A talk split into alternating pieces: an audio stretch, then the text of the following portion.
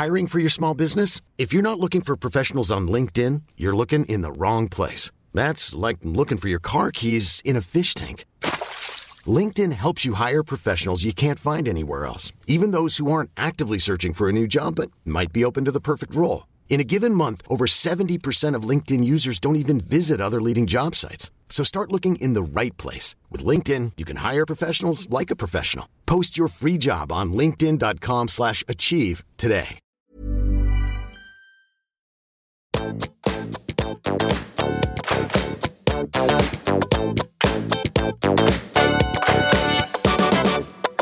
Hallo, Hege. Er du på linja? Hei, Elaine. Ja, det er jeg. Du, dette her eh, har jeg virkelig gleda meg til, eh, Hege. Du, Jeg jeg må bare si at eh, Ja, vi, vi har jo vært kollegaer for mange, mange år tilbake. Eh, og, og vi har jo fulgt, altså, litt med på hverandre, men nå endelig så er jeg så glad for at du skal være gjest, for vi har eh, to veldig viktige temaer i dag. Eh, blant annet dette med utbrenthet og, og det å være sykemeldt, som vi skal komme tilbake til. Eh, men før vi setter i gang, Hege, så tenker jeg sånn til alle de som lytter Kan ikke du dele dine minner eller tanker om hva du hadde lyst til å gjøre eller kunne tenke deg å bli da når du var liten? Ja, eh, det kan jeg jo gjøre. Eh, det aller første som ramler inn, er jo veldig langt tilbake. Da var det jo butikkdame eller politi. og, og, og, eh, men nå snakker vi typ før, før barneskole, altså. Og det, det, det med politi tror jeg faktisk var fordi jeg, jeg har fremdeles et bilde i hodet av en politidame som jeg så da jeg var liten. Og nå snakker vi på midten, eh, midten av 70-tallet. At jeg så en dame i politiuniform, og jeg syns hun var så tøff.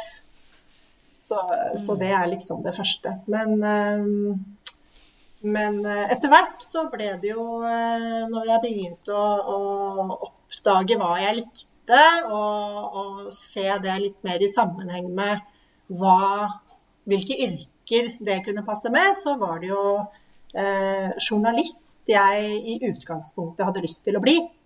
Eh, jeg likte å skrive. Veldig glad i å skrive.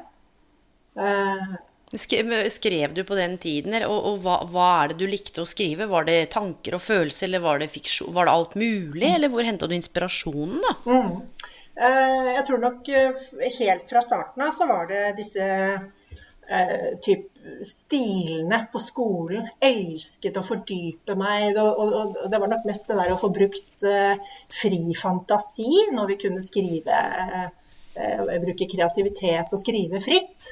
Det, det var jeg aller mest glad i. Eh, og jeg kan jo fremdeles huske hvor sans, vanvittig stolt jeg var når en stil ble lest opp i klassen eh, høyt foran de andre. Og det var kjempeskummelt, men veldig, veldig, veldig stas. Eh, så så det, det husker, jeg, husker jeg var glad i. Eh, etter hvert så jeg, jeg har nok også en bedre Jeg er glad i å uttrykke egentlig hva enn det måtte være. Mer glad i å uttrykke det skriftlig enn muntlig. Jeg kjenner at det kommer lettere til meg når jeg skriver. Eh, Så, så journalistyrket sto høyt på høyt i kurs, altså. Jeg tenkte at det, dette er noe for meg. Jeg må bare si det er veldig fascinerende, sånn som når du snakker nå, så tenker jeg sånn eh, Jeg er ekstremt glad i å uttrykke meg muntlig og elsker å skrive, men er ikke like glad i å sette ting i system, sånn som jeg holder på med master nå, skal skrive inn en akademisk ramme. Um, og det er en sånn ting jeg ønsker at jeg liksom skulle bli eh, trene på å bli bedre på. da, og like å følge litt rammer og linjer. Ja. Og gjerne gi meg masteroppgaven muntlig, så skal jeg holde på i tre uker. jeg. Ikke sant? Og det er så fascinerende å lytte, ikke sant? hvilke preferanser man har. Kanskje det har noe sammenheng med personlighetstrekk, og hvordan eh, Det er så mye som er med på å forme ja, kanskje hvordan vi liker å uttrykke oss, da hva vi uttrykker oss med, og hvordan. Em, for da er det jo sånn at du har oppdaget litt den skrivegleden, og så er det sånn at du tenker at du har lyst til å bli journalist? Eller det er liksom karriereveien å gå? Ja.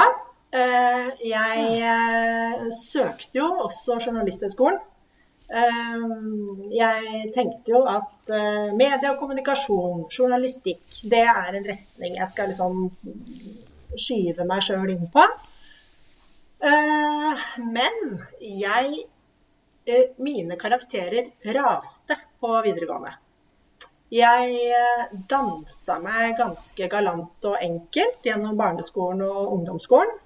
Gikk ut med megeter fra ungdomsskolen. Fikk det egentlig bare ved å møte opp. Har alltid bare møtt opp og gjort det bra.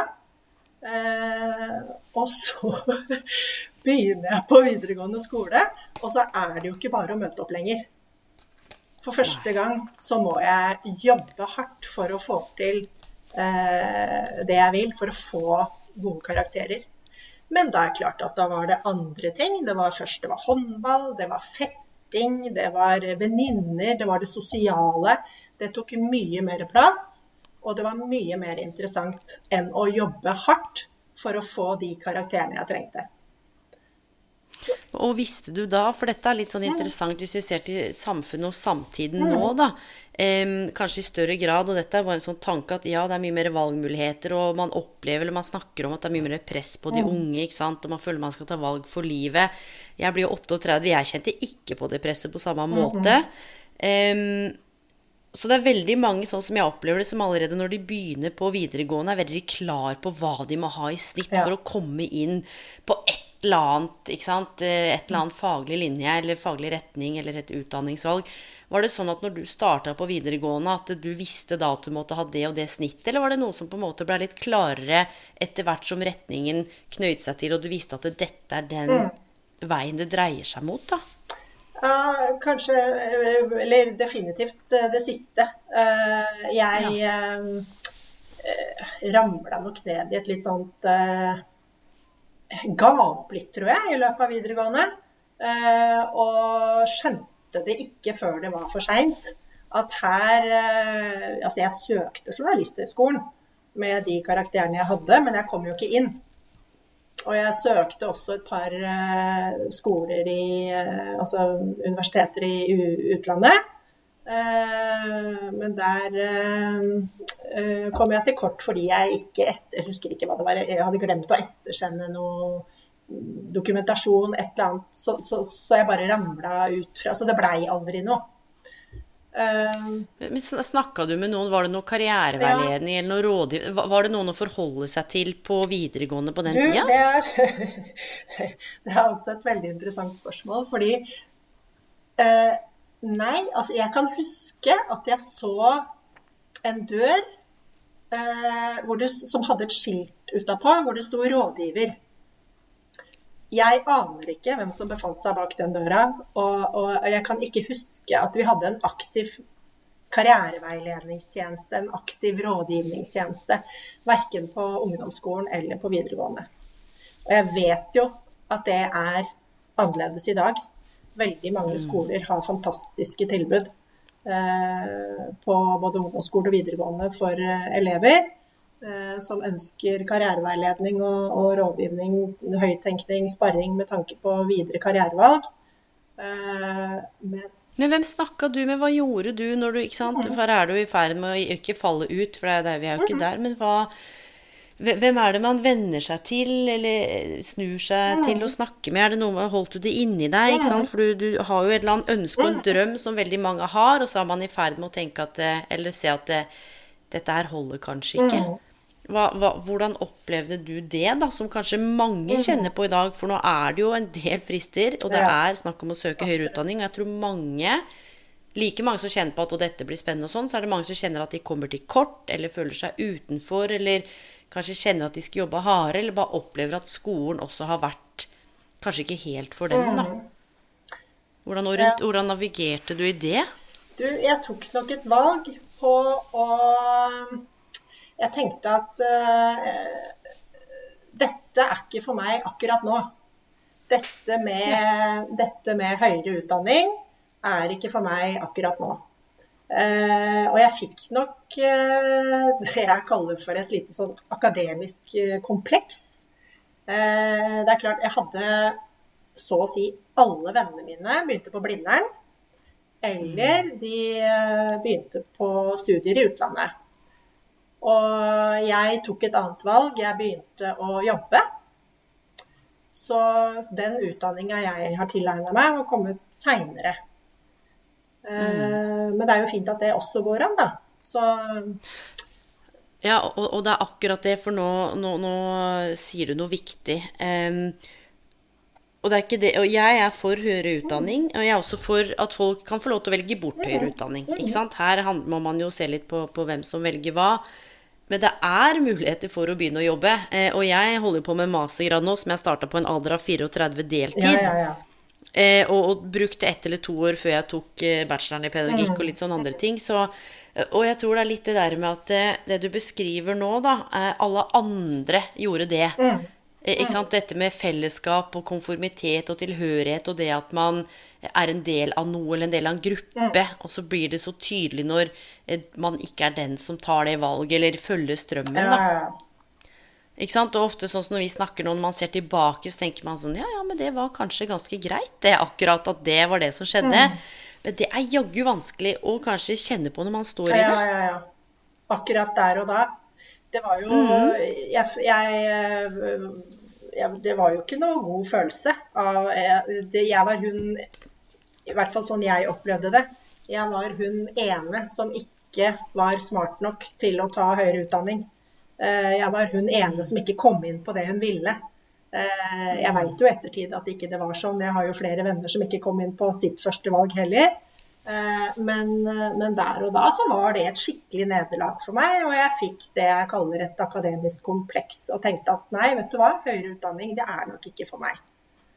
Um, så, det tror jeg mange kjenner på, Hege. Og jeg tror mange kjenner på Åh, jeg liker ikke å bruke ordet skam, altså. Men jeg ja. tror mange kjenner på det. Og så om, som du sier òg, eh, jeg var ikke smart mhm. nok eh, til å komme inn på den linja. Så tenker jeg vet du jeg, jeg kjenner jeg, jeg får et frysninger, nesten sånn tårer i øya. At det sitter folk nå og tenker sånn Drømmen min er å bli fysioterapeut, eller drømmen er å komme inn på medie og kommunikasjon, men mm jeg er ikke smart nok, mm. akkurat som det er en sånn del av hvem du mm, er.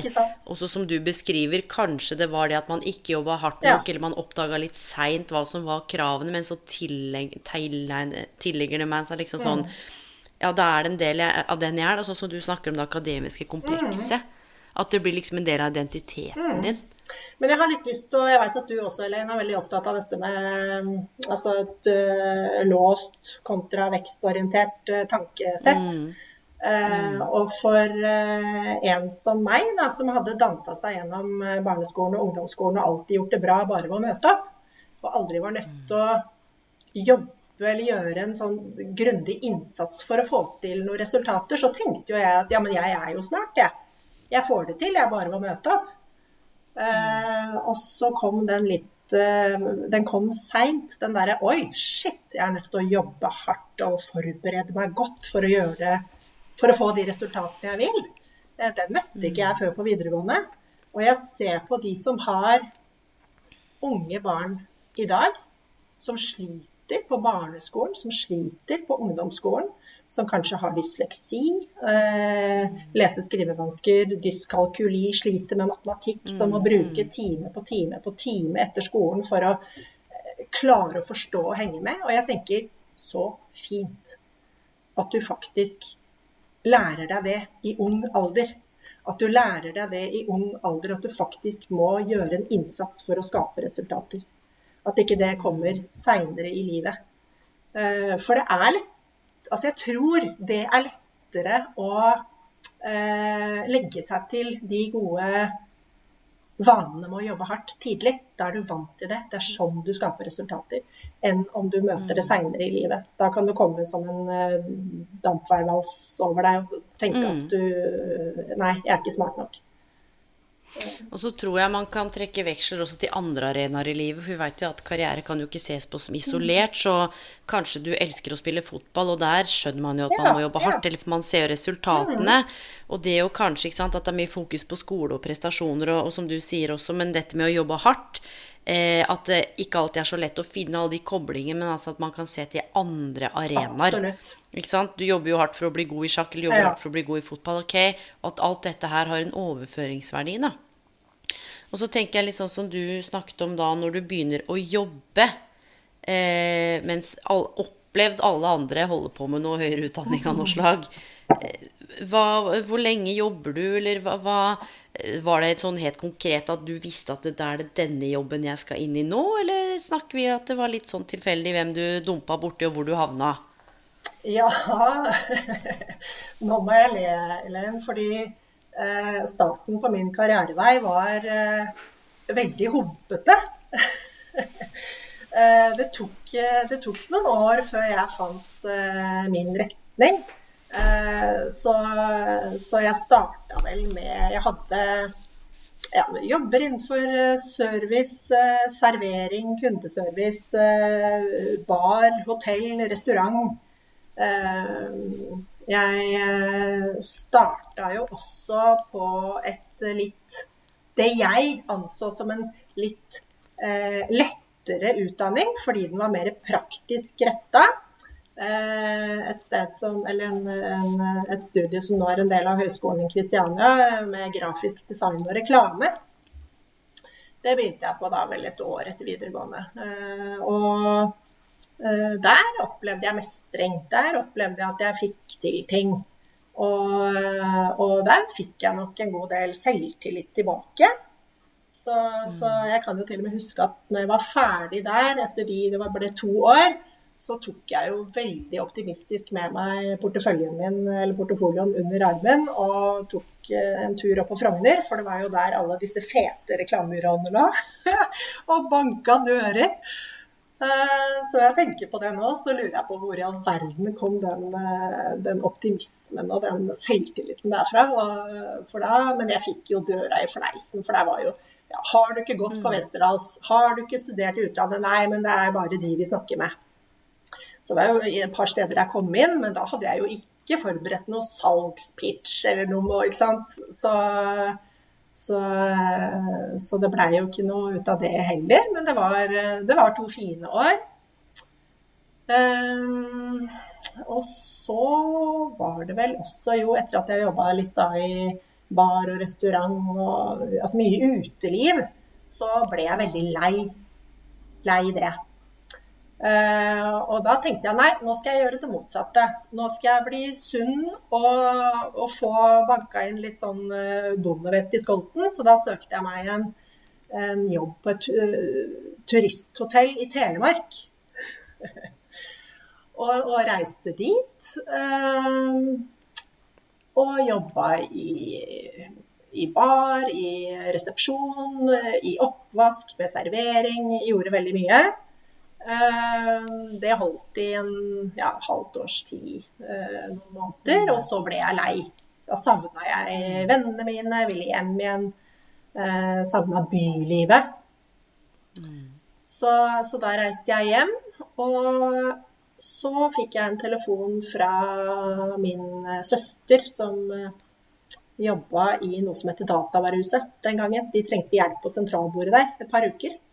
Så da lurte hun på om ikke jeg ville komme og bidra, og eh, da gjorde jeg det. Eh, og det, det var nesten som å komme hjem til en litt sånn eh, artig, smågal familie. Eh, datahuset var det, og de to ukene på sentralbordet ble jo to måneder, eh, tre måneder, fire måneder, halvt år. Eh, Etter hvert begynte jeg å jobbe i butikken. Eh, Fikk mer og mer ansvar. Tok det ansvaret. Eh, likte meg veldig godt. Ja, lærte meg produktene, rett og slett. Begynte på gulvet, som man sier. Eh, og, og, og jobbe meg oppover. Og da, etter to år, var det vel, så var jeg jo varehussjef for hele senteret vårt i Oslo. Eh, Med personalansvar og full pakke. Og det var en fantastisk tid. Jeg møtte så mye fine folk som jeg er venner med og eh, har god kontakt med den dag i dag. Um, men etter hvert så gikk eh, Databrus i konkurs, og så ble konkursbo kjøpt opp av noen nye eiere. Eh, ledelsen ble bytta ut, vi fikk en ny strategi. Jeg syns ikke det var så gøy lenger. Eh, litt andre rammer, litt andre føringer. Og så Da var søsteren min ute, og så igjen da, så ringer hun til meg, og så sier hun Hege, skal vi kjøpe et renseri?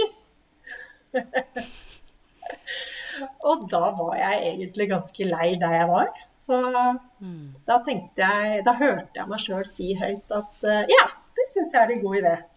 Det gjør vi. Vet du hva som er så utrolig interessant, Hege? Fordi jeg kjenner jo ikke deg kjempegodt, men vi kjenner jo litt til hverandre for mange år tilbake. Selv om vi på en måte jobbet med karriereveiledning begge to, så var det jo litt ulike leire. For nå, det jeg hører nå, er en sånn spontan Hege som uh, kjeda seg litt, og som bytta jobb, og som jobba i servering, og så kjøper de renseri. Det er så langt fra det bildet jeg har av deg, da.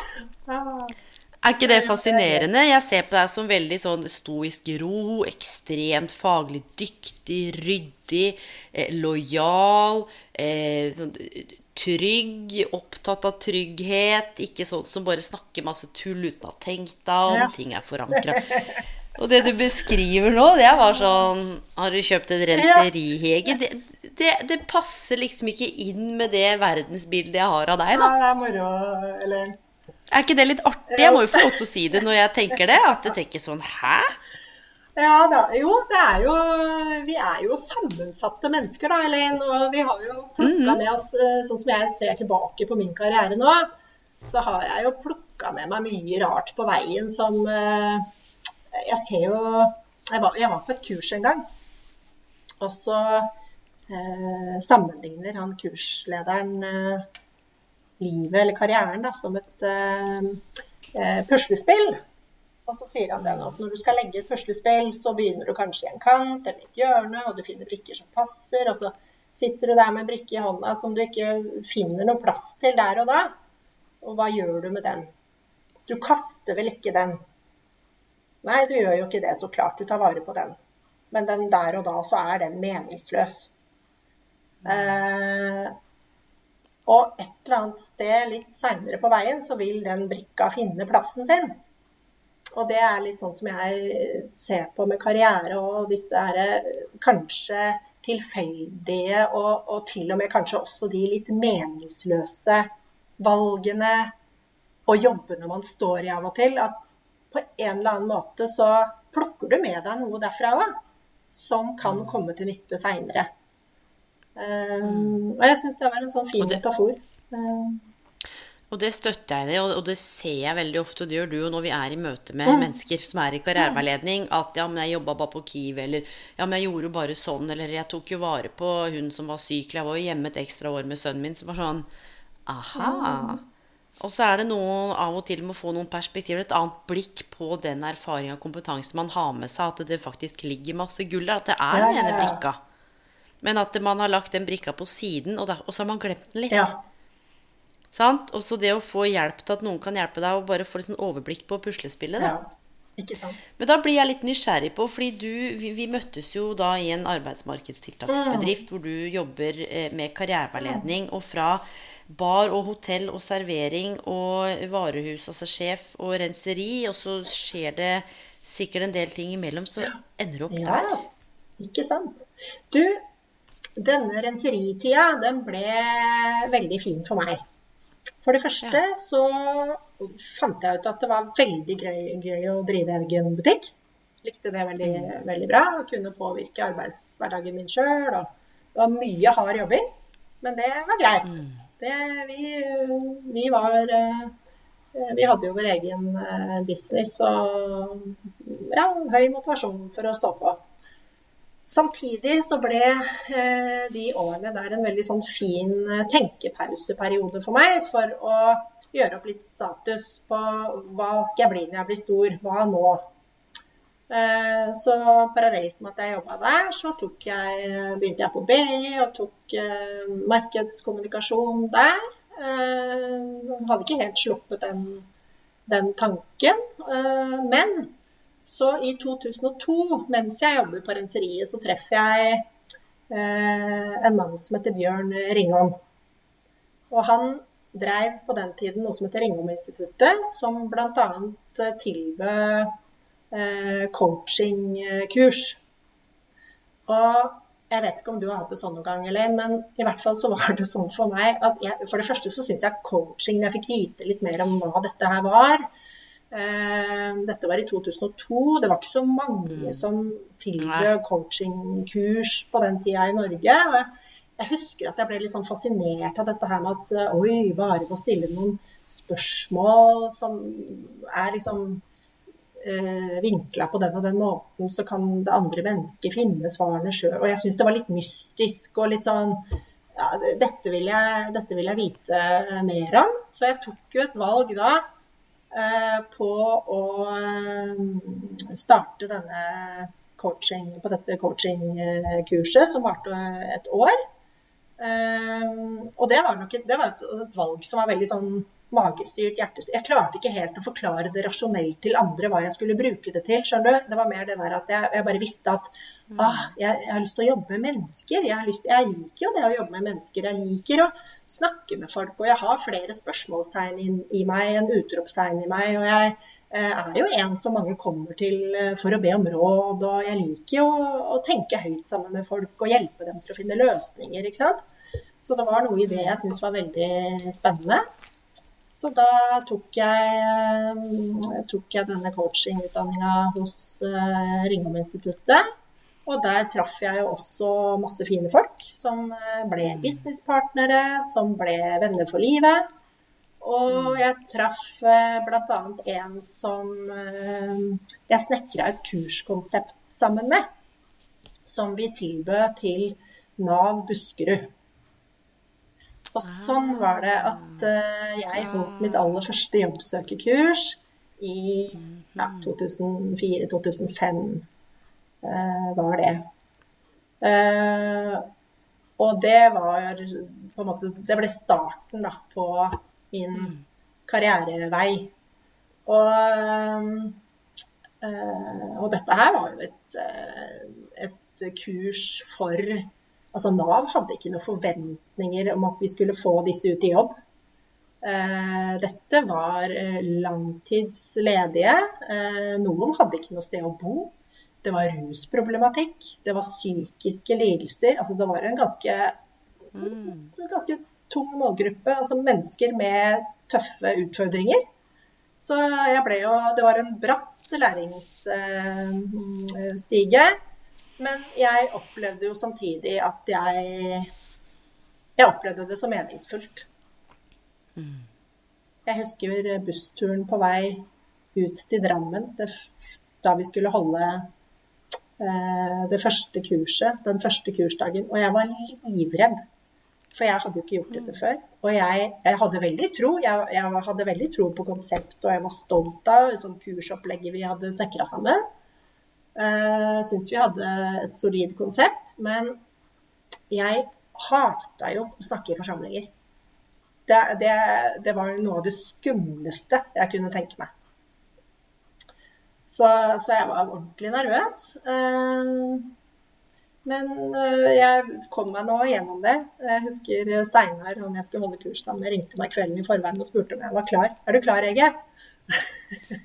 Nei, sa jeg. Jeg er ikke klar. Men jeg, jeg skal gjøre det allikevel. Mm. Um, så, så det, det, ble en veldig fin uh, opplevelse, det altså. Så, men samtidig så opplevde jeg jo da at her har jeg med mennesker Det ble jo flere kurs etter hvert. Eh, og så hadde vi jo med mennesker å gjøre som eh, hadde det tøft i livet sitt. Så jeg opplevde opplevde også på et tidspunkt at jeg kom litt til kort. Jeg skulle ønske at jeg hadde noe verktøy, eller at jeg hadde en måte jeg kunne eh, håndtere disse menneskemøtene på eh, som var enda bedre enn det derre korte coachingkurset jeg hadde. Mm. Og det var da jeg Det var da jeg utdanna meg til gestaltterapeut. Eh, fordi jeg tenker at eh, nei, jeg har lyst til å kunne jobbe med mennesker på et annet plan også. Eh, og det var jo da en deltidsutdanning på fire år. Som jeg tok parallelt med at For da ble jeg jo i denne bransjen, da. Ja, og, og, du er jo på en måte fortsatt i bransjen, hvis vi spoler litt, litt frem. Du vet at vi har snakka en halvtime, og jeg kjenner at jeg, jeg blir ja. liksom fascinert av karrierehistorien din. Og når du snakker om servicebutikk, menneskebar, overførbar til mennesker eller Altså alt bare Skjønner du? Polletten detter ned, da. um, og, og, som du beskriver dette med coachingen og mennesker og, og det du sier at du har flere spørsmålstegn i deg enn utropstegn, det burde jo vært sånn eh, eh overskriften i verden. Eh, og en fin måte å ikke sette folk i bås eller ting i bås, men heller bare være undrende sammen og være nysgjerrig. For nå snakker vi jo 2021, februar. Og du har jo vært i bransjen en god stund, bl.a. også i egen, eget selskap, men også arbeidsmarkedstiltaksbedrift. Og der har du vel vært inntil nylig? Uh, ja og nei. Jeg, ja. Jeg, ehm, jeg, siste faste jobben min var i, en, eh, i et eh, stort direktorat hvor jeg jobba som eh, karriereveileder i HR-avdelingen. Mm. Mm. Eh, og det vil si det var en nyoppretta stilling. Eh, som jeg starta i høsten 2019. Jeg syntes det var kjempespennende å skulle hjelpe eh, ansatte som eh, var i omstillingsprosesser.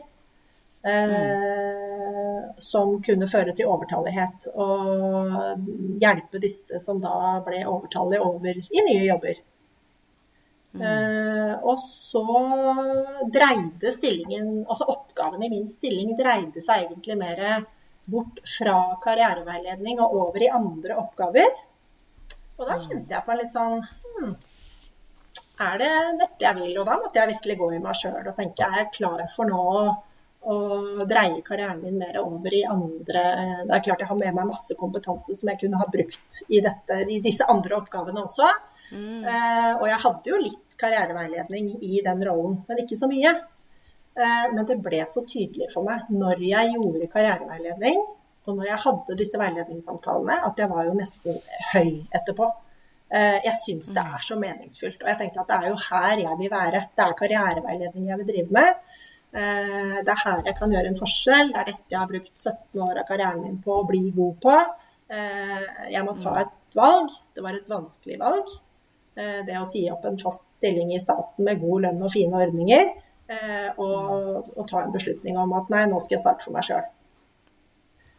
Og dette her bringer, meg også, eller bringer oss over til hovedtemaet i dag. Eh, og det blir en sånn naturlig liten Segway, og så skal vi få vite helt på slutten hva du egentlig holder på med nå, for du har en del spennende ting på gang.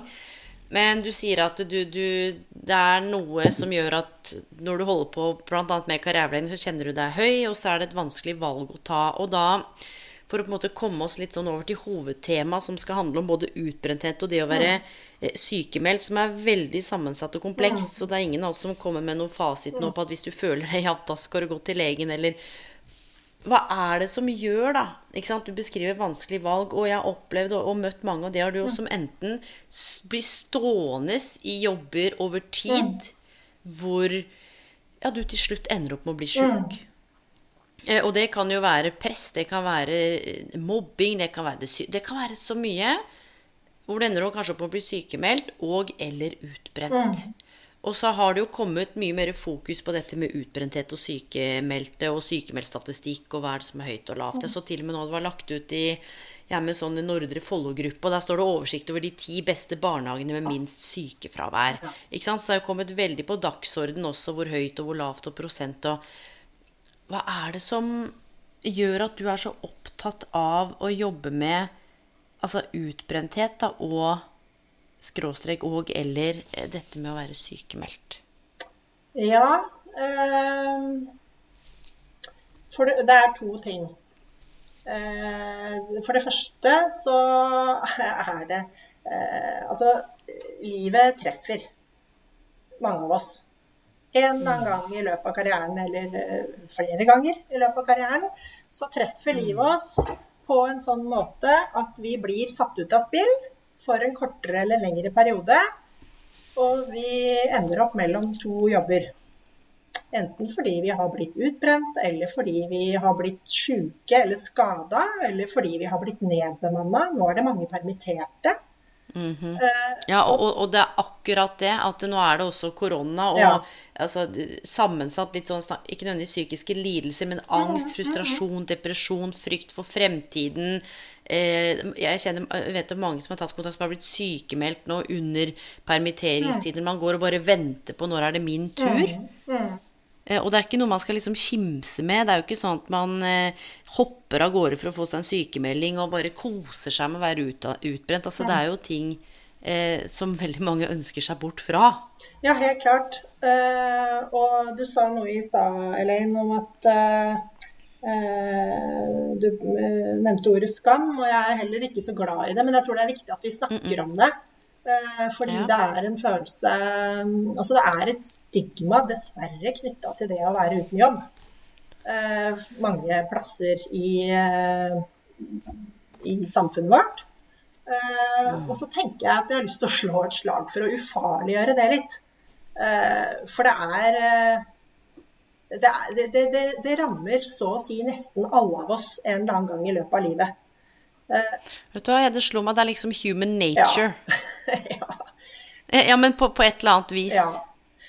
Men tror du også det er et resultat av liksom det derre postmoderne, komplekse samfunnet med uforutsigbarhet? At, det, at det, det, var jo ikke like mye opp i dage det vi snakker om nå for kanskje 40 år siden, liksom? Nei. Hva er det som har skjedd? Ja, hva har skjedd? Hvis vi skal dra liksom historien tilbake, så eh, Hva har skjedd? Altså det eh, første jeg tenker, er jo det at eh, vi lever i et, eh, et samfunn i dag da, som har en veldig mye eh, høyere endringstakt eh, enn det faktisk vi bare hadde for ti år siden. Uh, og, det, og, det, vil jo Nå kommer jeg inn på dette med, med, med de som er permittert i dag. At det å i, altså Det er ikke bare de som er imellom to jobber som trenger å ta et ansvar for å holde seg oppdaterte, for å holde seg faglig oppdaterte, for å være, sørge for å være relevante i dagens arbeidsliv. Med så høy endringstakt som vi har, så er det jo et ansvar jeg og du og alle må ta, ikke bare de som er imellom to jobber. Uh, og, og, se litt inn i kula. Hva er det hvor, hvor, Hva skjer med mitt yrke om ett år? Om to år? Hvor er vi da? Bransjen min, hvordan ser den ut? Um, så, så, hvis jeg Det er nesten et sånt råd til oss alle, det der å, å holde seg faglig oppdaterte. Mm. Um, og, og, samtidig, bare en forlengelse av det, da, så tenker jeg, og dette er jo også mye litteratur som støtter dette, at det samfunnet har jo vridd seg mye mer litt sånn etterkrigstida og det derre kollektivet til å bli enda mer individualisert. Ikke ja, sant? At det, det litt, man er sin egen lykkes med mm. at jeg skal ta ansvar for å oppdatere ja. meg, og jeg hvis, jeg hvis, jeg velger feil, så er jeg en bloody failure. Mm. Ikke sant? Hvis jeg ikke får det til. Og det derre nesten sånn, sånn knebøystang med 200 kg som mange går og bærer på skuldrene sine uten at man egentlig det er litt sånn Man klarer ikke helt å få tak på hva det er. Men det er noe som går og presser og surrer, både sånn psykologisk, men også kanskje fysisk. Og at de henger sammen, og så akkumulerer det kanskje i utbrenthet eller sykemelding eller Igjen, det er flere faktorer, men mange av de henvendelsene jeg får nå, opplever at det er så jæskla mye press og ansvar på, på det ene lille mennesket, da. Mm, ikke sant. Uh, og særlig for å bidra i team, og hvis du blir borte fra det teamet eller du blir sjuk, ja, da får ikke teamet levert. Altså mm, mm.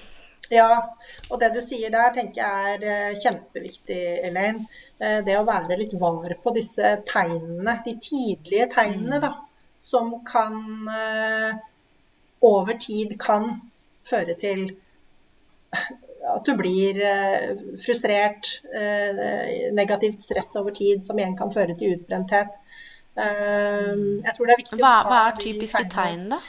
Nei, jeg tenker Det første er vel slitenhet. Altså frustrasjon og slitenhet. Mm. dårlig konsentrasjon. Eh, det at du kanskje har lite tiltakslyst. Eh, jeg tror det er også sånne fysiske tegn som kan komme, er nemlig det, altså det at du opplever å kanskje slite med å sove. Eh, kjenne på uro, irritabel kanskje. Eh, kvalm og svimmel, hjertebank. Altså alle disse tingene når det topper seg på jobb. Eh, og så tror jeg mange er Eller de som kanskje har en større risk for å bli utbrent, er vel også de som er veldig opptatt av å Det er jo typisk disse som brenner for noe, da. Eh, og som er veldig opptatt av å levere levere god kvalitet. Som eh, eh, ildsjeler, ja-mennesker. Eh, kanskje syns det er litt utfordrende å sette grenser, be om hjelp. Ja, for det var det jeg skulle si. For når du snakker nå, så tenker jeg et par ting. Og det ene er at det i hvert fall jeg har opplevd i møte med mange som, som, har liksom stått i noe av det vi snakker om, er at de bærer alt ansvaret på sine skuldre. Og så har vi begynt å jobbe litt med det, og så virker det som om det faktisk er noen sånne organisatoriske strukturer som virkelig ikke har vært på plass i en organisasjon nå. Hvor man ikke har hatt noen som har sagt Vet du hva, Hege, stopp. Nå ser vi at vi har gitt deg for mye oppgaver. Nå ser vi at du løper. Nå ser vi at du tar på deg mer.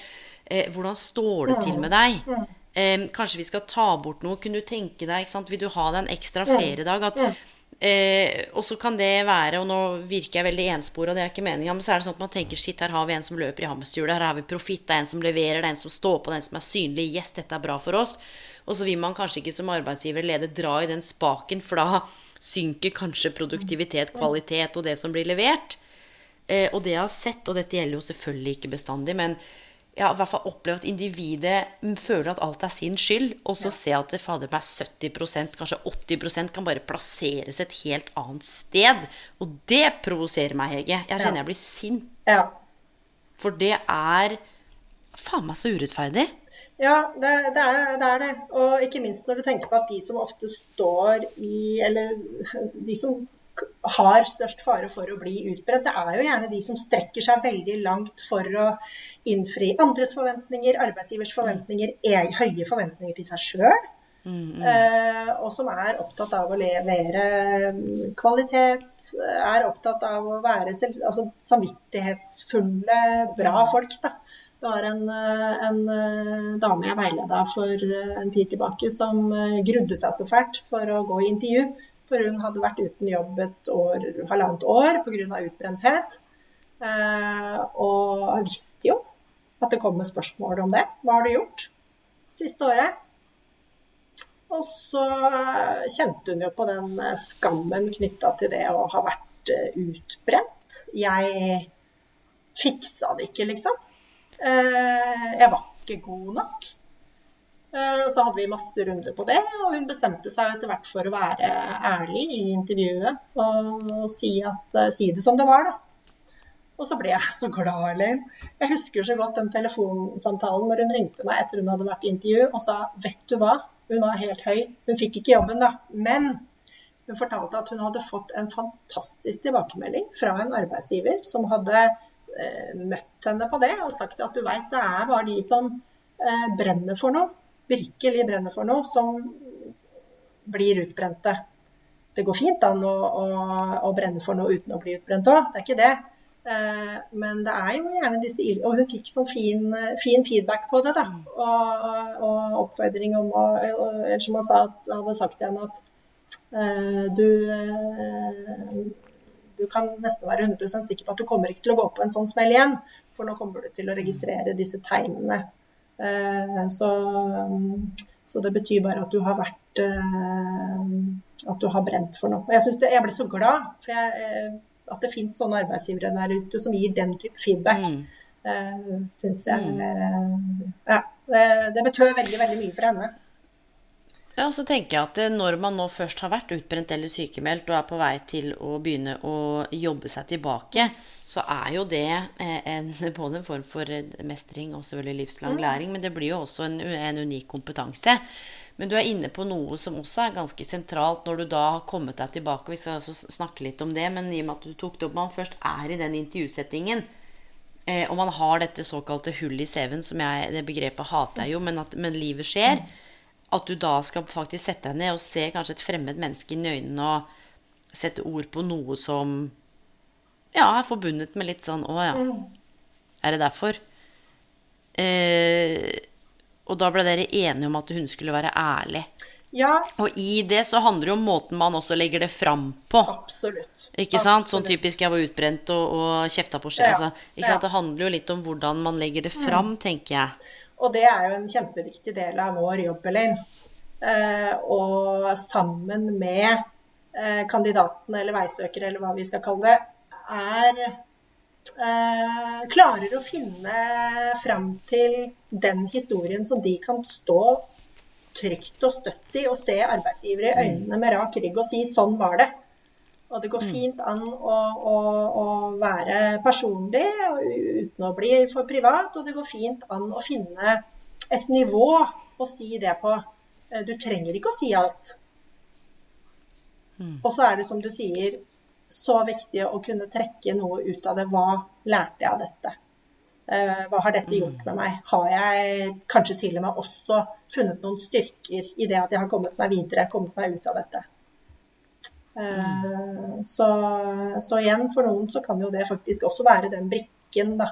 eh, Som eh, fører til at du Ja, kanskje dette her, den erfaringen som var så dritt der og da, faktisk blir den erfaringen som du vil trenge. Den, du vil ha tilegna deg en kompetanse som du faktisk har behov for i en ny jobb. Eh, Eller du vil kunne være den støttespilleren for en annen som har eh, opplevd noe av det samme. Ja, og jeg må si det fordi eh, noen har jeg rekruttert en, en del karriereveiledere i min tid også som avdelingsleder. Mm. snakker vi et par år tilbake. Og noe av det jeg har sett, da, hvis vi ser på okay, en ting er den formelle kompetansen, men de som har vært ute noen vinternetter sjøl, som har kjent på det å banke på døra hos sosialen, som har kjent på det å bli nedbemanna, som har kjent på det vi snakker om nå, som har kjent på livet, uten tvil, og dette har jeg liksom ikke noe forskning på, men min personlig subjektive opplevelse er at det er noe av de fineste karriereveilederne jeg har møtt. Ja. De har en sånn evne til å møte folk, og det betyr ikke at de som ikke har opplevd noe utfordrende, ikke er god. For det er mange måter å oppleve Ja, ja, altså For noen så kan utbrenthet være det verste som skjer, og for andre kan det være det beste som har skjedd noen. Men det er noe med den derre eh, fint føl... Altså det der å kunne trekke veksler på at jeg er ikke deg, og jeg vet ikke hvordan du har Mm. det, men det er noe som er relat, det er noe som skaper gjenklang, Mm. Absolutt. Og det skal man, ikke sant, når man snakker om kompetanse og høyere utdanning og Det er også, også noe i det der uformelle og det menneskelige å ha kjent på livet som eh, som kan skape et gjenklang. Men du Hege, vi var liksom innom dette, dette med jobbsøkerprosessen også, dette med hva man skal si i et intervju. Men når man da enten kanskje først kjenner på dette med å være utbrent og får en sykemelding, eller man kanskje er sykemeldt av andre årsaker, eh, og så på et eller annet tidspunkt så er jo tanken at man kanskje skal begynne å jobbe seg tilbake. Eh, tilbake til hva? Til der man var? Altså, hva, hva, hva gjør jeg nå? Ja. Nå står jeg her, og, og, ikke sant? og så er det vanskelig med å si til lytteren at det, du kan jo ikke gi et konkret råd på hvordan jeg skal gjøre noe, hvordan Pål skal gjøre noe. Så folk må ta med seg de tingene vi snakker om nå, og så gjøre det til sitt eget. Fordi alle er jo forskjellige.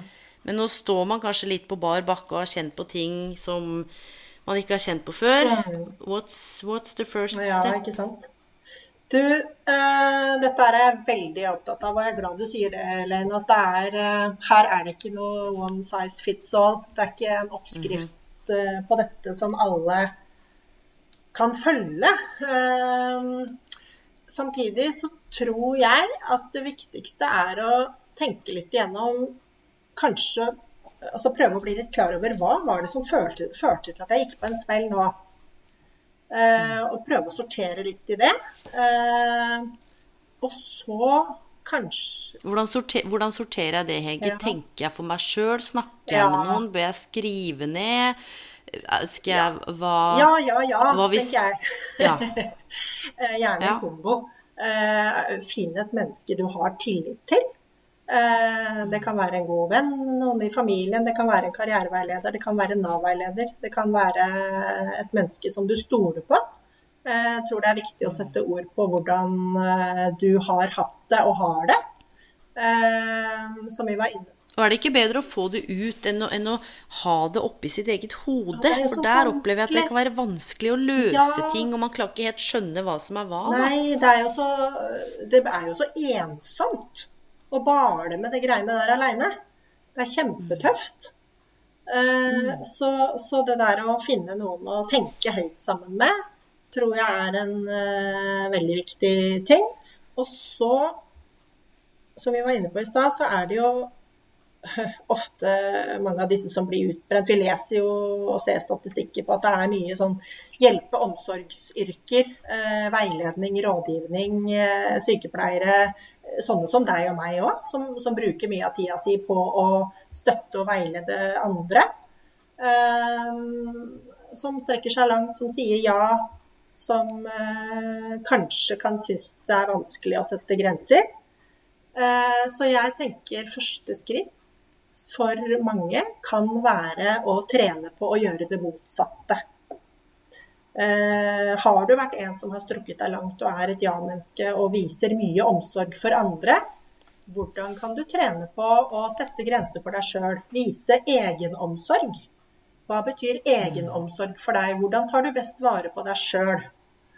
Eh, Men er det ikke lettere, Hege, å, å ta vare på alle andre? enn å ta vare på seg sjøl. For det er jo det vi ofte, ofte opplever også, å snakke med utbrenthet. At det, eh, det, er mye lettere å bry seg om alle andre. Og det husker jeg når jeg rekrutterte inn bl.a. veileder også. Og da husker jeg jeg stilte et spørsmål Hva er liksom intensjon hva, hva hva som gjør at du vil gjøre akkurat dette her? Og har man på, For én ting er å veilede og coache og å være i kraft fra et sted som handler om energi og kjærlighet og overskudd. Og så kan man også være i dette yrket her, eller i denne bransjen, eller fra et sted som handler om mangel. Og det betyr at jeg kanskje ikke har helt rydda opp eller feid for egen dør, for det er så krevende. Så da går jeg heller ut og, og hjelper noen og hører på folk som har det litt verre enn meg. Og så kan jeg løfte de opp og fram, for det kjennes veldig godt. Og så trenger jeg kanskje ikke helt ta stilling til at det er litt grums i eget hus. Der opplever jeg også at jeg fått sett det en del, da. At det er så godt, og fordi at man opplever en sånn form for signifikans, eller blir veldig viktig gjennom å hjelpe andre, og at det er der ego, selvbilde og identiteten får en boost. Ja, og jeg tror det er der mange også da finner mening, da.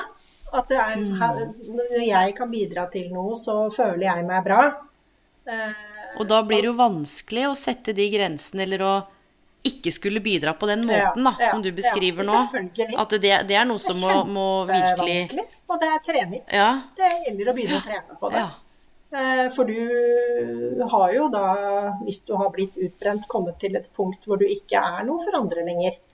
Du har blitt satt ut av spill. Livet traff.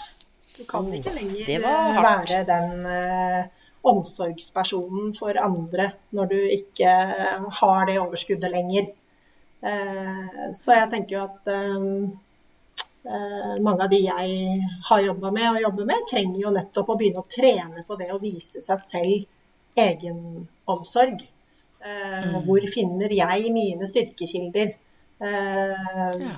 Hva er greit og ikke greit? Hvor langt kan jeg strekke meg før jeg liksom kjenner at det begynner å skurre på et eller annet sted? Når, altså, det, det, å mm. finne disse grensene tenker jeg er vanskelig. Og det er noe eh, som hver og en må kjenne etter og, og trene på. Eh, men fy fader, så viktig. Ja, det er kjempeviktig, tenker jeg. Og, og, og, så er det vanskelig i starten. Men det mange forteller om, er jo at eh, når de først har begynt Og da igjen fint å kunne ha en å snakke med om dette her. Eh, hvordan skal jeg sette de grensene? Hvordan sier jeg nei? Eh, hvordan skal jeg fortelle lederen min at eh, nå er det for mye her? Nå, nå må jeg ha hjelp. Mm. Utprega omsorgsmennesker Mange, nå generaliserer jeg veldig, vet det, men det der å be om hjelp fra andre òg kan for mange sitte veldig langt inne. Eh, så det er jo rett Men hva, hva, hva handler det om? Altså både det du eh, beskriver liksom med, med å be om hjelp, da, eller det å liksom klare å sette ord på Er det en eller annen frykt fra at hva andre skal tenke om oss, altså andre ikke skal like oss? Er det, er det noe, et eller annet gap mellom hvordan vi oppfatter oss selv, og hvordan vi tenker at andre skal oppfatte oss? Hva, hva, hva, er, hva er dette her for noe, Ja, nei, det er et godt spørsmål, Elaine. Og, og det er nok et um, Du er nok inne på noe der, tror jeg, når du sier det at det er et gap mellom hvordan vi ønsker å framstå, og hvordan andre ser på oss. Eh, og så tror jeg igjen at det der å eh, be om eh, hjelp Altså det, for mange så kan det innebære at jeg implisitt sier at jeg ikke, strekker ikke til i meg sjøl. Jeg er ikke god nok Jeg klarer det ikke på egen hånd. Er ikke, det er ikke godt nok det jeg har å komme med. Så jeg, må, jeg, jeg, vet ikke. Dette her tror jeg er veldig individuelt. Ja, og komplekst, Ja, uten ja, tvil. ja. Men, men du er, jeg tror du er inne på noen fellesnevner som mange kjenner seg igjen i. Og som du sier, det første steg er kanskje å, å bli bevisst liksom, hva trenger jeg, og hva er mine grenser, og hva er det som er ok og ikke. Ting man kanskje ikke har kjent på før. Hva For det jeg har sett, og som vi snakka om litt før også, som du sa når vi hadde en kort samtale på telefonen, at eh, det er kanskje ikke det lureste å sette seg ned og begynne å se på stillingsannonser. Eh, når du kanskje har vært slått ut et helt år og så vidt skal begynne å karre deg, og så ser du på Ja. Finn og Nav, og så tenker du sånn Ja, og Ja, men da tror jeg jeg dropper hele greia, jeg. For der, der kan ikke jeg huke alle boksene. Hva, hva gjør man Nei, så, da? og da? det er jeg glad du sier, fordi der begynner jo de fleste. Ok, jeg gikk på en smell i fjor, eller for et halvt år siden, og nå føler jeg meg klar. Om ikke helt klar, så i hvert fall litt klar for å begynne å søke jobb igjen. Og så tar jeg en kikk på stillingsannonsene på finn.no eller på arbeidsplassen.no, og så ser jeg at eh, her skal jo arbeidsgivere ha kandidater som er framoverlente, som er sultne, som er entusiastiske. Jeg blir helt svett, jeg, Hege. Jeg blir helt sliten av stillingsannonser. Og ikke bare det, hvis du ser på kanskje noen av egenskapene, så bruker de ulike ord på flere av det Du skal være utadvendt og sosial, du skal være Så tenker jeg sånn Hva, hva er det de Hva er det som skjer når de sitter og lager disse annonsene? Ja, hva er det som skjer? Det er et godt spørsmål, eh, Elaine. Og, og, og en som har vært eh, utbrent, da, eller en som har blitt eh, truffet av livet på en eller annen måte, sitter jo og føler seg som alt annet enn framoverlent, sulten og entusiastisk. Eh, Du er på en dårlig plass. Så, så mitt første råd er jo det. Stopp, stopp, stopp. Ikke les jobbannonser. Begynn med å bygge opp din egen eh, jobbidentitet. Eh, begynn å, å finne Hvordan gjør jeg det, Hege? Nei, altså det er jo å kartlegge innover, da. Hva er det jeg har med meg som jeg har lyst til å spille videre på? Og igjen, kjempevanskelig å gjøre aleine. Eh, gjør det gjerne med en god karriereveileder eller en, eh, en god venn, et menneske du har tillit til. Eh, spør andre hvilke styrker og kvaliteter er det andre ser i deg. Eh, hva er det du har kan, hva er det du, hva er det du har holdt på med som du har likt? Hvor har du vært når du har gjort noe som, hvor du har opplevd at ah, her er jeg på plass. Dette? Tenk litt sånn, se gjennom karrieren din og se gjennom de, de jobbene du har hatt, de utdanningene, kursene, studiene du har gått. Når er det jeg har holdt på med et eller annet som har gitt glede, overskudd, energi? Hva er det som har vært gøy? Er det fremdeles det i dag? Er dette brikker jeg har lyst til å plukke med meg videre?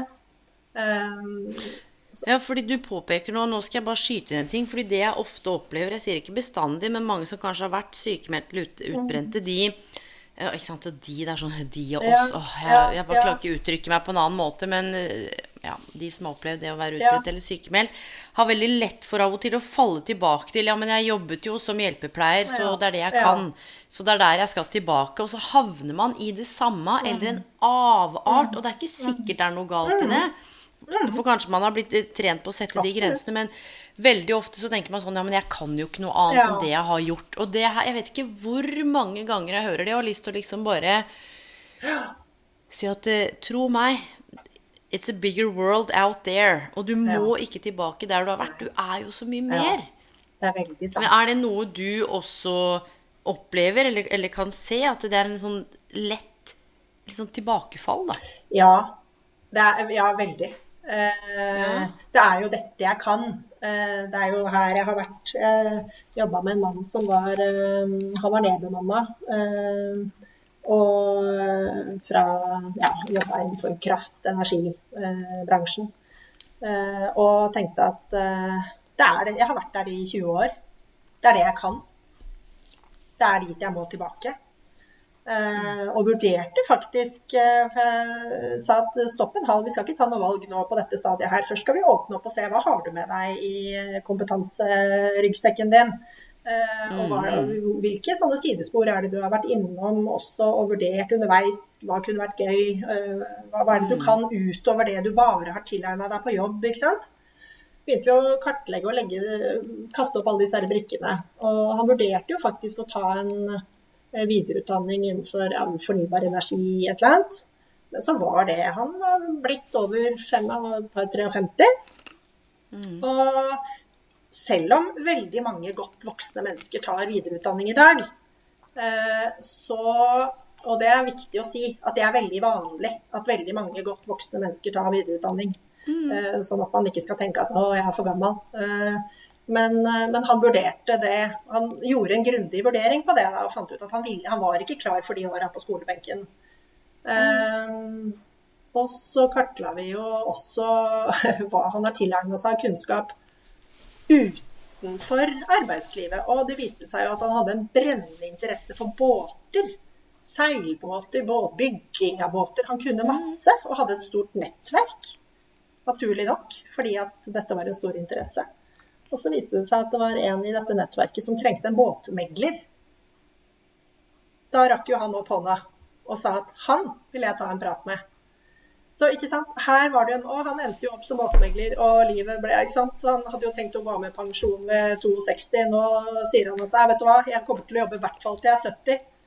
Eh, så, så, det å leite etter kompetanse, lete etter ferdigheter og altså for det som har vært liksom mm. jobbene dine. Vi kan finne masse gull der òg, eh, som mm. det går an å trekke med seg inn i dette puslespillet som skal bli en ny din neste jobb, da.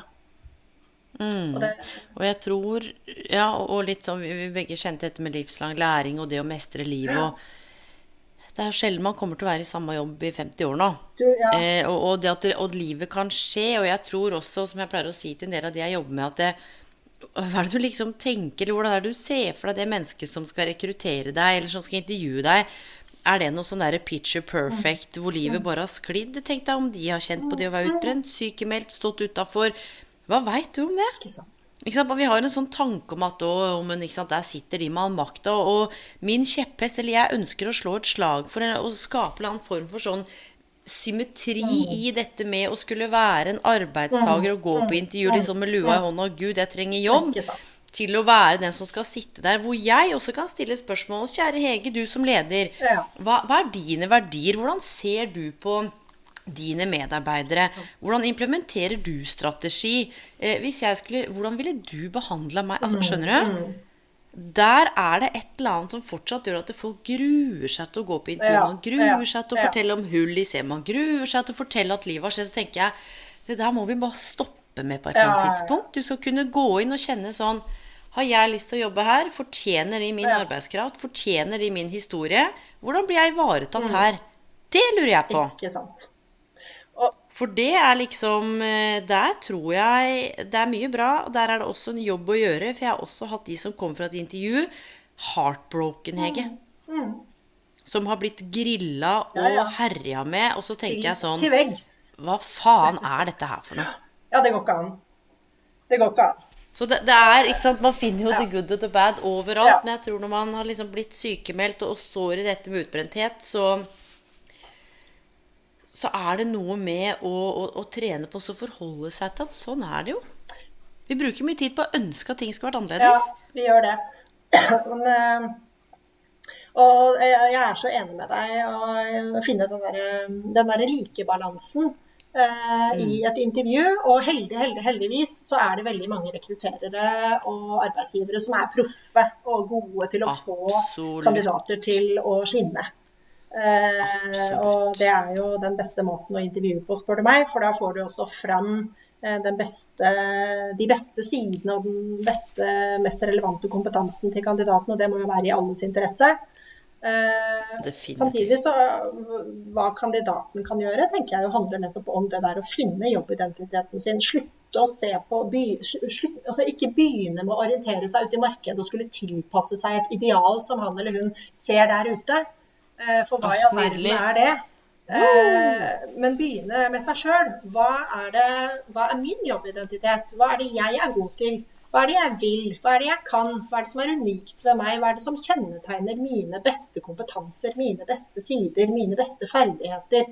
Og, og pusle det sammen til en jobbidentitet som du kan stå trygt og stødig i når du skal ut i det markedet og eh, presentere den for en arbeidsgiver eller for en rekrutterer.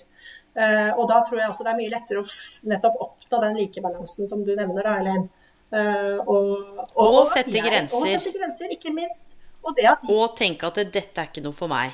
For at da har man utvikla en klar jobbidentitet, så man finner seg ikke i hva som helst. Da. Gjør ikke det. Det blir så mye lettere også å kunne se hva passer for meg, hva passer ikke for meg. Og det glemmer vi ofte. At det er et intervju er en situasjon hvor ikke bare arbeidsgiver skal velge kandidat, men kandidat skal også mm. velge arbeidsgiver og har anledning mm. til å stille, stille, spørsmål, som du sier. Hva, uh, sånn at jeg vet som kandidat at jeg vet uh, hvilke premisser blir jeg ansatt på hvis det kommer et tilbud her. Altså, hva, hva, mm, jeg må jo mm. vite nok om stillingen, sånn at den dagen hvis det kommer et tilbud, så vet jeg om jeg skal takke ja eller nei. Uh, hvordan er teamet satt sammen kompetansemessig? Hvordan er folka som jobber her? Hva er det som gjør at den stillingen her er ledig? Ja. Er, det, er, det, vekst? Har det vært kaos? Altså, skjønner du? Hva, mm. hva? Og så, så, tenker jeg sånn, For du snakker om å finne en jobbidentitet, og så vet vi nå med Det kom ut en NOU-rapport i, i, 2016 med Roger Skjærgård i spissen som het Norge, altså Norge i omstilling, og vi kommer til å måtte bytte arbeid og bytte utdanning. og eh, nå har alle en karriere. ikke sant? Før så var det jobb. For når du snakker jobbidentitet, så, så kan man jo ha flere jobbidentiteter? Ja, en, eh, absolutt. En, kan, kan man det? jeg vet ikke, jeg bare spør, ja. for jeg liker det begrepet veldig ja, godt. Eh, jeg beskriver jo liksom hvordan en jobbidentitet bygges opp i denne boka mi, som jeg skriver nå. Eh, ja, for det er den vi skal også litt til, skjønner du, Hege. Ja. For at, og da nå bare vi, setter vi på pause litt det vi snakker om nå, og så eh, for det, var, det, som førte oss inn til dette hovedtemaet med dette å være utbrent og sykemeldt, det var nettopp at du tok det vanskelige valget fra direktoratet om å gå. Så nå driver du for deg sjøl? Nå driver jeg for meg sjøl. Og du sitter og klimprer på en bok? Jeg sitter og klimprer på en bok, uh, Elaine. Så, og har passert 60 000 ord? Har det. Uh, og det Jeg har jo bare vært Eh, nå, nå, er det jo bare eh, Er det tre uker siden da, at jeg gikk ut av den faste stillingen min. Så jeg maksa vel Jeg hadde vel 50 000 ord før jeg slutta. Og, og det er litt sånn resultatet av litt hver dag. Eh, skrive mm. litt før jobb hver dag. Men eh, det blei jo viktig for meg, og jeg har jo hatt et sånt konsept inni hodet mitt uh, i eh, noen år som har fått utvikla seg og modna. Og så har jeg tenkt at dette må bli en bok. så jeg skriver nå Denne boka er en støtte, eller kanskje til og med også en hyllest til alle de som befinner seg mellom to jobber. Eh, enten fordi de har vært utbrent, eller fordi de har blitt eh, sykemeldte, syke, skada, nedbemanna. Ulike årsaker til at man befinner seg mellom to jobber. Og jeg har litt lyst til å ufarliggjøre det å være mellom to jobber. Og jeg har lyst til å gi noen konkrete ja, verktøy, tips, triks til hvordan man kan gå fram for å finne en meningsfull jobb. Så boka beskriver da eh, noen steg fram til eh, hvordan du, bl.a. hvordan du bygger en sterk jobbidentitet. Jeg skriver også litt om hvorfor jeg syns det er viktig i dagens arbeidsmarked. Og eh, også hvordan du kan gå fram for å finne denne meningsfulle jobben. At det fins flere måter å nå fram til en god jobb på enn å søke en utlyst stilling som du har funnet på finn.no eller på eh, andre jobbsøkportaler. Eh, så, så, så det er sånn hvordan, hvordan gå fram for å bygge nettverk, nettverk i sosiale medier. Hvordan kan du kompetanseheve deg, eller komp dreie kompetansen din inn mot noe du vil. Eh, med noen smarte grep. Eh, jeg husker når jeg gikk på Høgskolen i Lillehammer og tok en videreutdanning i karriereveiledning, så var jo fagmiljøet der veldig opptatt av at eh, Eller hadde en teori, da, en sånn framtidsvisjon om at i, i framtiden så vil det kanskje ikke være like viktig med disse tunge grunnutdanningene lenger. Selvfølgelig i profesjonsyrker Eh, skal du bli lærer, skal du bli lege, ikke sant, selvsagt. Mm, mm. Eh, men vel så viktig, og kanskje enda viktigere, å fylle på på toppen. Og ta en videreutdanning, ta en sertifisering, ta en autorisasjon, ta noen sånn kurs for å hele tiden mm. holde seg oppdatert. Eh, og, og, og, det tenker jeg også gjelder de som Det gjelder deg og meg, altså det gjelder oss alle som er ja, ja. i jobb. Men det gjelder også de som er imellom to jobber. Hvordan kan du med små, smarte grep uh, fylle på kompetansen din for å gjøre deg mer attraktiv. Da. Det er klart at Hvis du befinner deg mellom to jobber, uh, så sånn som jeg nevnte om hun uh, kandidaten jeg nevnte i stad, som mm. Grudde seg for å gå på intervju, så, for, fordi at det spørsmålet kommer hva har du gjort det siste året? Det da å kunne vise til at jo, jeg har tatt dette kurset. Yes. Jeg har brukt tida på å lese meg opp på sånn og slik, eller jeg har en kjempeinteresse for dette fagområdet, så her har jeg lest masse, jeg har oppdatert meg, jeg har tatt et LinkedIn-kurs. Altså, mm. Eller et studie. Det trenger ikke å være et omfattende langt studium. Det kan selvfølgelig være det. Noen velger å hoppe av en gammel karrierevei og, og satse på en ny en ved å ta en lengre mm. utdanning. Og det er helt supert. Mange folk som også gjør det i, i midtveis i livet eller i godt voksen alder. Uh, men det fins også veldig mange andre smarte måter å fylle på kompetansen sin på. Når er det boka di kommer ut da, Hege?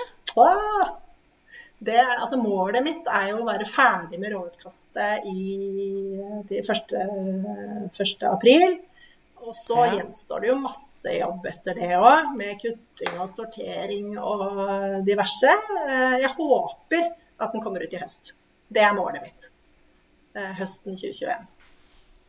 Så. Vet du hva jeg kjenner? Jeg kjenner sånn integritet som bare strømmer Åh. Ut fra det digitale studioet vi sitter i. Og jo, men ikke sant?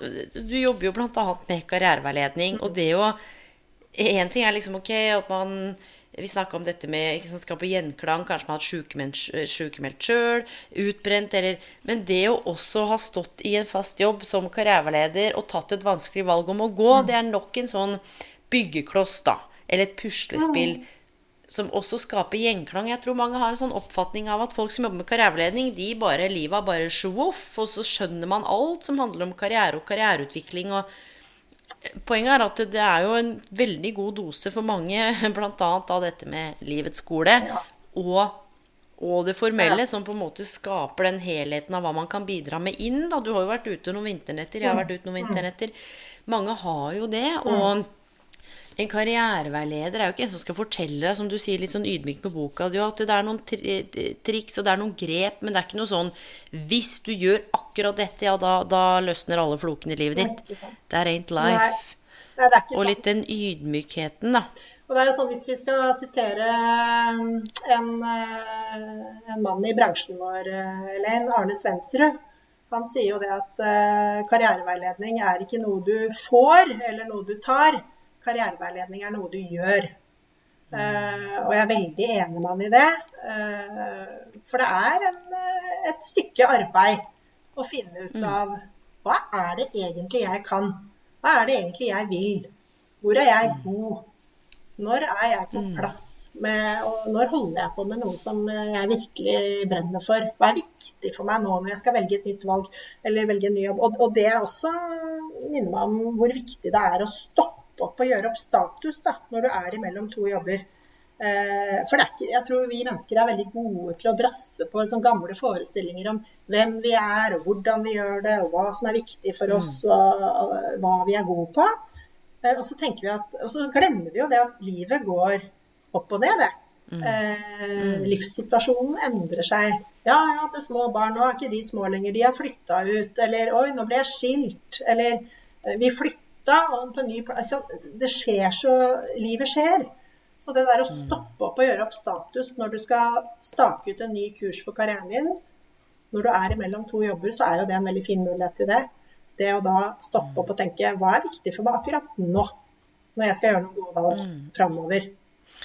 For jeg må jo Mm. Ja, ta utgangspunkt i du- der hvor jeg står nå, ikke der hvor jeg var for to år siden eller eh, to måneder siden sågar. Altså, men hva er viktig akkurat nå?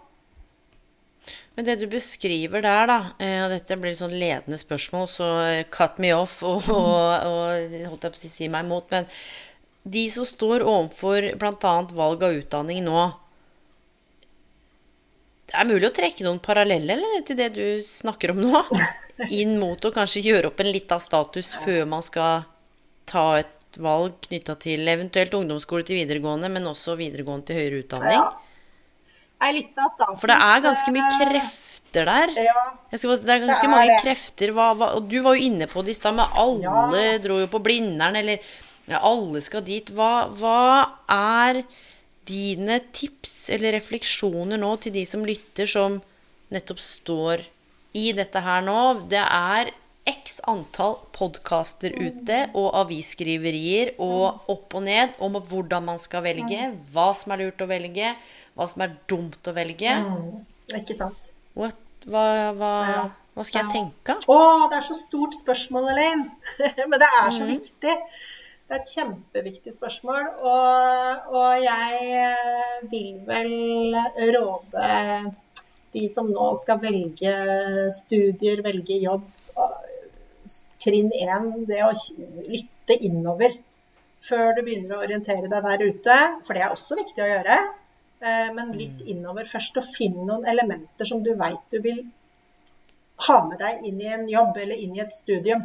Eh, Er det noen ferdigheter du har som du har lyst til å bruke i en jobb eller i et, eh, et studie som da etter hvert fører til en jobb? Er du innmari god på dette med eh, å være analytisk, eller er, det, er du god på dette her? Er du en typisk omsorgsperson, har et godt utvikla omsorgsgen? Skal du velge noe som er i tråd med det? Eh, er du, altså det, det å kjenne seg sjøl og, og, gjøre Og det fins jo en del sånne kartleggingstester man kan ta på dette her. Jeg er ikke veldig glad i Ja alle de. Eh, Ikke jeg heller. Det var godt du sa. Og det er ikke det, jeg er ikke imot det heller, er men, men de testene ja da, men de må også brukes innenfor litt sånn også konstruktivistiske rammer som vi kjenner til, hvor, hvor man må liksom forstå både konteksten Ja, ja. testen tas i. Var du glad, sint? Har du akkurat slått opp med kjæresten? Har du Ja, fått kjeft av ja, mora di? Hva, hva. Åssen var det når du satte deg ned? Hvordan på en måte kan det som fremkommer, hvordan kan du relatere til det? Kjenner du Skjønner du? For det er ikke bare å ta en test, og det er sånn ja, du scorer høyt på bibliotekar, Ja, ok, ja, da går jeg for det. Det, det er mange fasetter og er varianter inni her.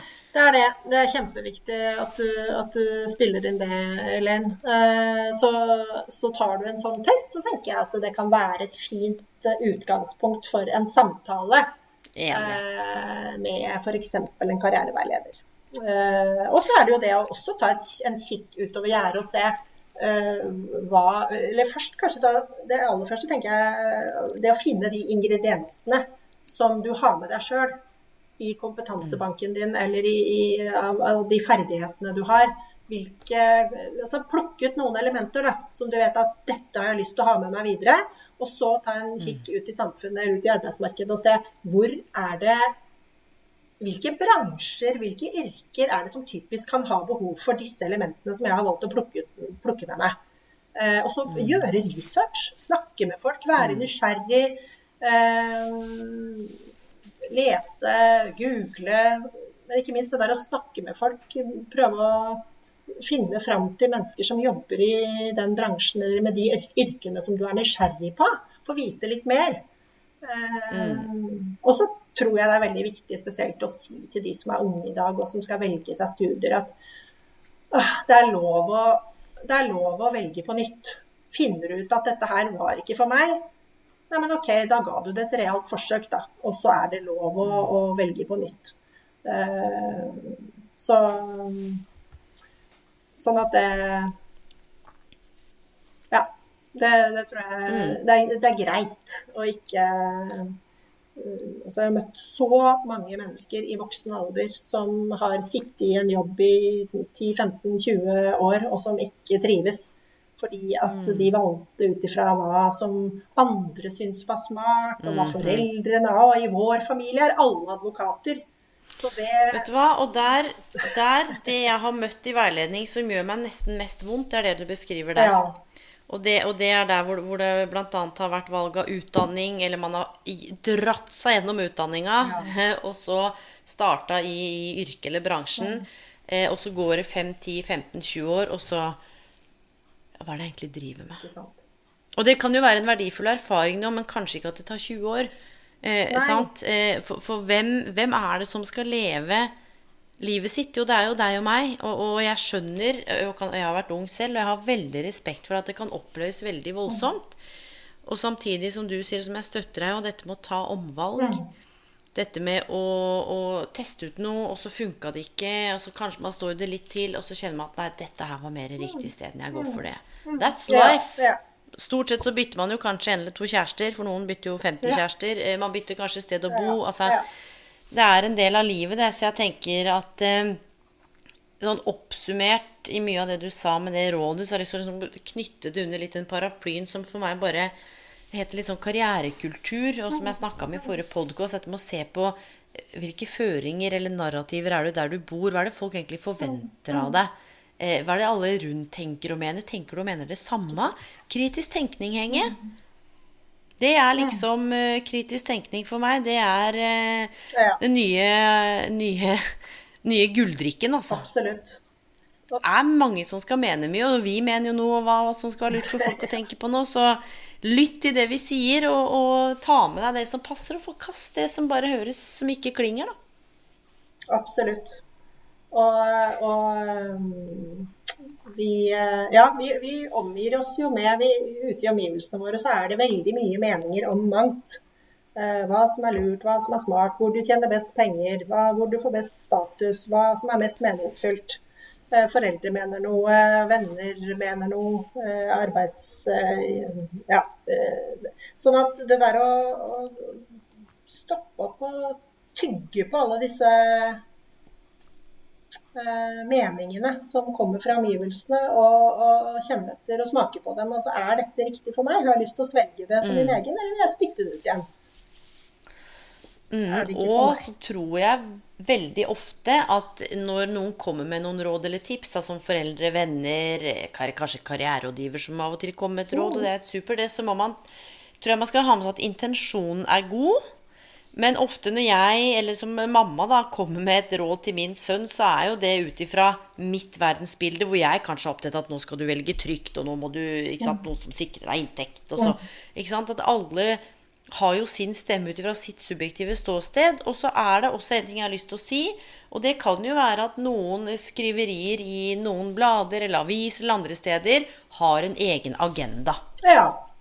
Og det er litt viktig jo at det er lurt å velge disse jobbene i fremtiden for ABC, for det er det noen eh, institusjoner eller arbeidsplasser som vil tjene på at en strøm av mennesker trekker seg dit. Og det kan være bra samfunnsøkonomisk, det kan være bra for Norge, for det er jo dette spennet også med individ og samfunn. Og at intensjonene alltid er gode 99% men det å liksom stoppe og tenke litt Hva er det som ligger bak dette her? Hvorfor står den artikkelen her om at disse typer jobbene de forsvinner om tre år? Hvem har skrevet det? Hva er det jeg egentlig kjenner om det jeg leser? Der tror jeg man kan også gjøre noen eh, spennende oppdagelser, altså. Absolutt.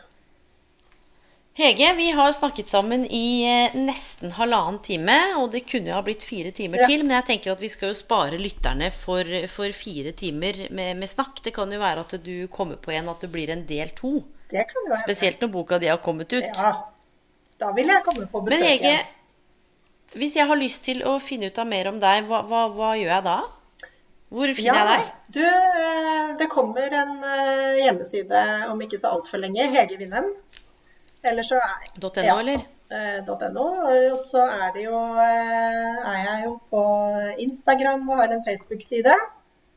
Hvor det er Som heter Hege Winnem? som heter Hege Ja. Winnem. Hege vinner med dobbelt med, da. Det er viktig å si. Mm. Ja, ja. Så der uh, ligger det informasjon om hvordan det går an å treffe meg. Hege, jeg har alltid, de gangene jeg bare sett deg eller snakka med deg i gangene også for mange år tilbake, når vi var kollegaer, så får jeg en sånn ro. Du har en sånn stoisk ro. Det er ikke sikkert du alltid har den inni deg, men den eh, Det er i hvert fall det jeg kjenner nå, at nå Ja, for litt sånn ro i sjela. Så godt å høre, Elaine. Eh, Det har vært eh, strålende å snakke med deg igjen. Godt å, Så godt å se deg og snakke med deg. Så kjempeglad for eh, denne praten, altså. Du, like måte. Og til alle dere som lytter, er det noen tilbakemeldinger, så veit dere hvor dere kan ta kontakt. Da er det mulig også å finne Hege.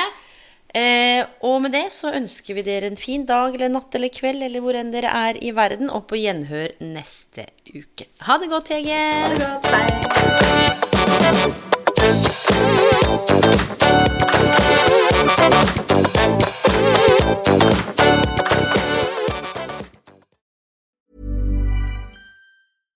My business used to be weighed down by the complexities of in person payments.